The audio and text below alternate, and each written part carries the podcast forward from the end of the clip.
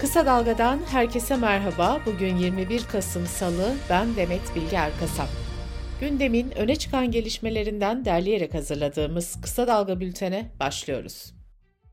Cumhurbaşkanı Recep Tayyip Erdoğan'ın %50 artı 1 sisteminin değişebileceğini söylemesinin ardından masadaki formüller de ortaya çıkmaya başladı.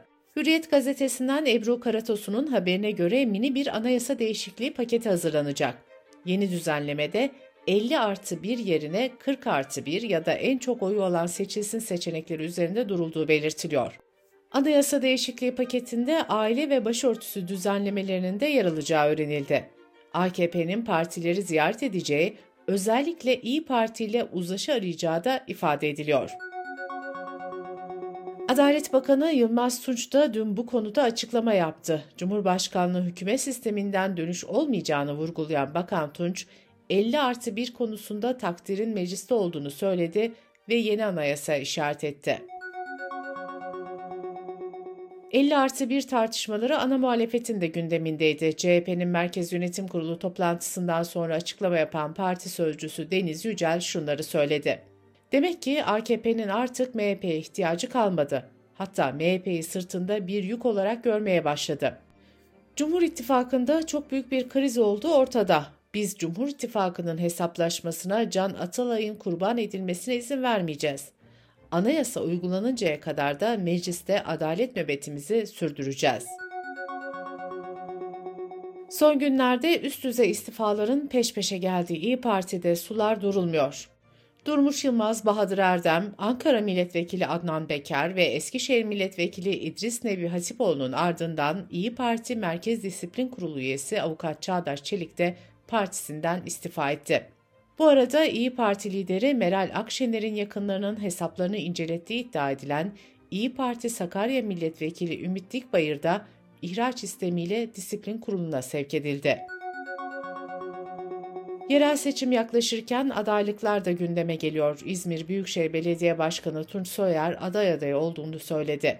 Soyer, İzmirliler sadece siyasi partiye, hizmet performansına oy vermezler demokrasiye, laikliğe ve özgürlüğe de oy verirler dedi. Deva Partisi'nin aday adaylığı başvuruları da dün başladı. Deva lideri Ali Babacan tüm Türkiye'yi özellikle de kadınları siyaset sahnesine davet etti. Babacan kadınlara gelin hep beraber elimizi taşın altına koyalım çağrısı yaptı. Agos gazetesi genel yayın yönetmeni Hrant Dink'i 2007 yılında katleden ve geçtiğimiz günlerde tahliye edilen o gün Samast hakkında yeni bir iddianame hazırlanmıştı. Samast'ın silahlı terör örgütüne üye olmamakla birlikte örgüt adına suç işlemekten 7 yıl 6 aydan 12 yıla kadar hapsi istenmişti. Ancak Dink ailesinin avukatlarından Hülya Deveci, iddianamedeki suç maddesinin zaman aşımı kapsamında olduğunu belirtti. Avukat Deveci suç işlendiğinde Samast 18 yaşından küçük olduğu için zaman aşımı süresinin de 19 Ocak 2022'de dolduğunu ifade etti. Adalet Bakanı Yılmaz Tunç da o gün Samast hakkında hazırlanan son iddianame ile ilgili açıklama yaptı. Bakan Tunç son iddianame süreciyle ilgili kamuoyunun bilmediği bazı hususlar olduğunu söyledi. İyi Parti Genel Başkanı Meral Akşener geçtiğimiz günlerde çok önemli bir iddiayı dile getirmişti. Akşener, oteli olan polis müdürleri olduğunu ve bu otellerde öksüz kızların çalıştırıldığını öne sürmüştü. Adalet Bakanı Yılmaz Tunç bu konuyla ilgili de açıklama yaptı. Akşener'in somut bilgileri yargı makamlarıyla paylaşmasını isteyen Bakan Tunç, bu iddianın üzerine gidilmesi gerektiğini vurguladı. İyi Parti sözcüsü Kürşat Zorlu ise Akşener'in elindeki bilgileri İçişleri Bakanı Ali Yerlikaya ile paylaştığını duyurdu. Hafta sonu tüm yurtta etkili olan fırtına ve aşırı yağış nedeniyle en az 9 kişi yaşamını yitirdi. Bu arada İçişleri Bakanı Ali Yerlikaya, Ereğli'de batan gemideki 13 mürettebattan birinin cansız bedenine ulaşıldığını açıkladı. Türkiye'de karşılıksız çek oranı Ekim ayında zirveye çıktı. Türkiye Bankalar Birliği Risk Merkezi verilerine göre karşılıksız çek tutarı 8.1 milyar lirayı buldu. 2023 yılının 10 ayında karşılıksız işlemi yapılan çek tutarının en yüksek olduğu 5 il ise şöyle: İstanbul, Ankara, Bursa, İzmir ve Antalya. Dış politika ve dünyadan gelişmelerle bültenimize devam ediyoruz. 7 Ekim'den beri Gazze'ye saldıran İsrail ordusu hastaneleri hedef almaya devam ediyor. Şifa hastanesini kuşatıp basan İsrail, Gazze'nin kuzeyindeki Endonezya hastanesine de gerçek mermilerle ateş açtı ve hastanenin çevresini top atışlarıyla vurdu. İsrail'in saldırılarında en az 12 kişi öldürüldü. Dünya Sağlık Örgütü, İsrail askerlerinin baskınından sonra şifa hastanesini ölüm bölgesi olarak tanımlamıştı. Arap ve İslam ülkelerinden temsilciler Çin'in başkenti Pekin'de Gazze gündemiyle bir araya geldi. Ülke temsilcileri ateşkes çağrısında bulundu. Dışişleri Bakanı Hakan Fidan bugüne kadar 170 Türk vatandaşı ve yakınlarının Gazze'den tahliye edildiği bilgisini verdi. Bakan Fidan 983 vatandaşın tahliyesi için çalışmaların sürdüğünü söyledi.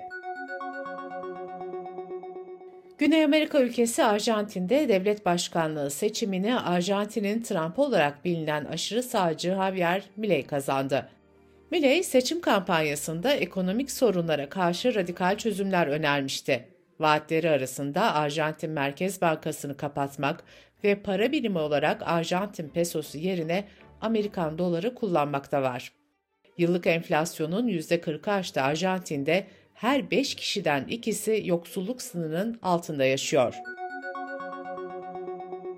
Plastik kullanımı tüm dünyada doğal hayata tehdit eder hale gelirken uluslararası toplum dünya genelinde plastik kullanımının azaltılması için Kenya'da bir araya geldi.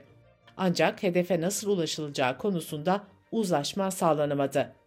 Anlaşmaya son halini vermek için gelecek yıl iki tur daha düzenlenecek. Birleşmiş Milletler Çevre Programı plastik kirliliğini 2040 yılına kadar %80 oranında azaltmayı hedefliyor. Dünyada her yıl yaklaşık 400 milyon ton plastik atık çıktığı tahmin ediliyor. Uluslararası Doğayı Koruma Birliği ise her yıl 14 milyon ton plastik atığın okyanuslara karıştığını belirtiyor. Kolombiyalı ünlü şarkıcı Shakira, İspanya'da vergi kaçırma iddiası ile ilgili davada suçlamaları kabul ederek anlaşma yoluna gitti. Shakira hakkında 8 yıl 2 ay hapis ve 23 milyon euroya yakın para cezası isteniyordu. Shakira anlaşma kapsamında 7.3 milyon euro ceza ödeyecek. Bültenimizi kısa dalgadan bir öneriyle bitiriyoruz.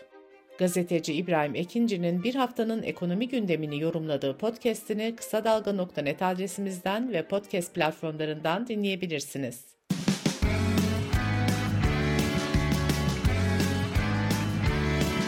Kulağınız bizde olsun. Kısa Dalga Podcast.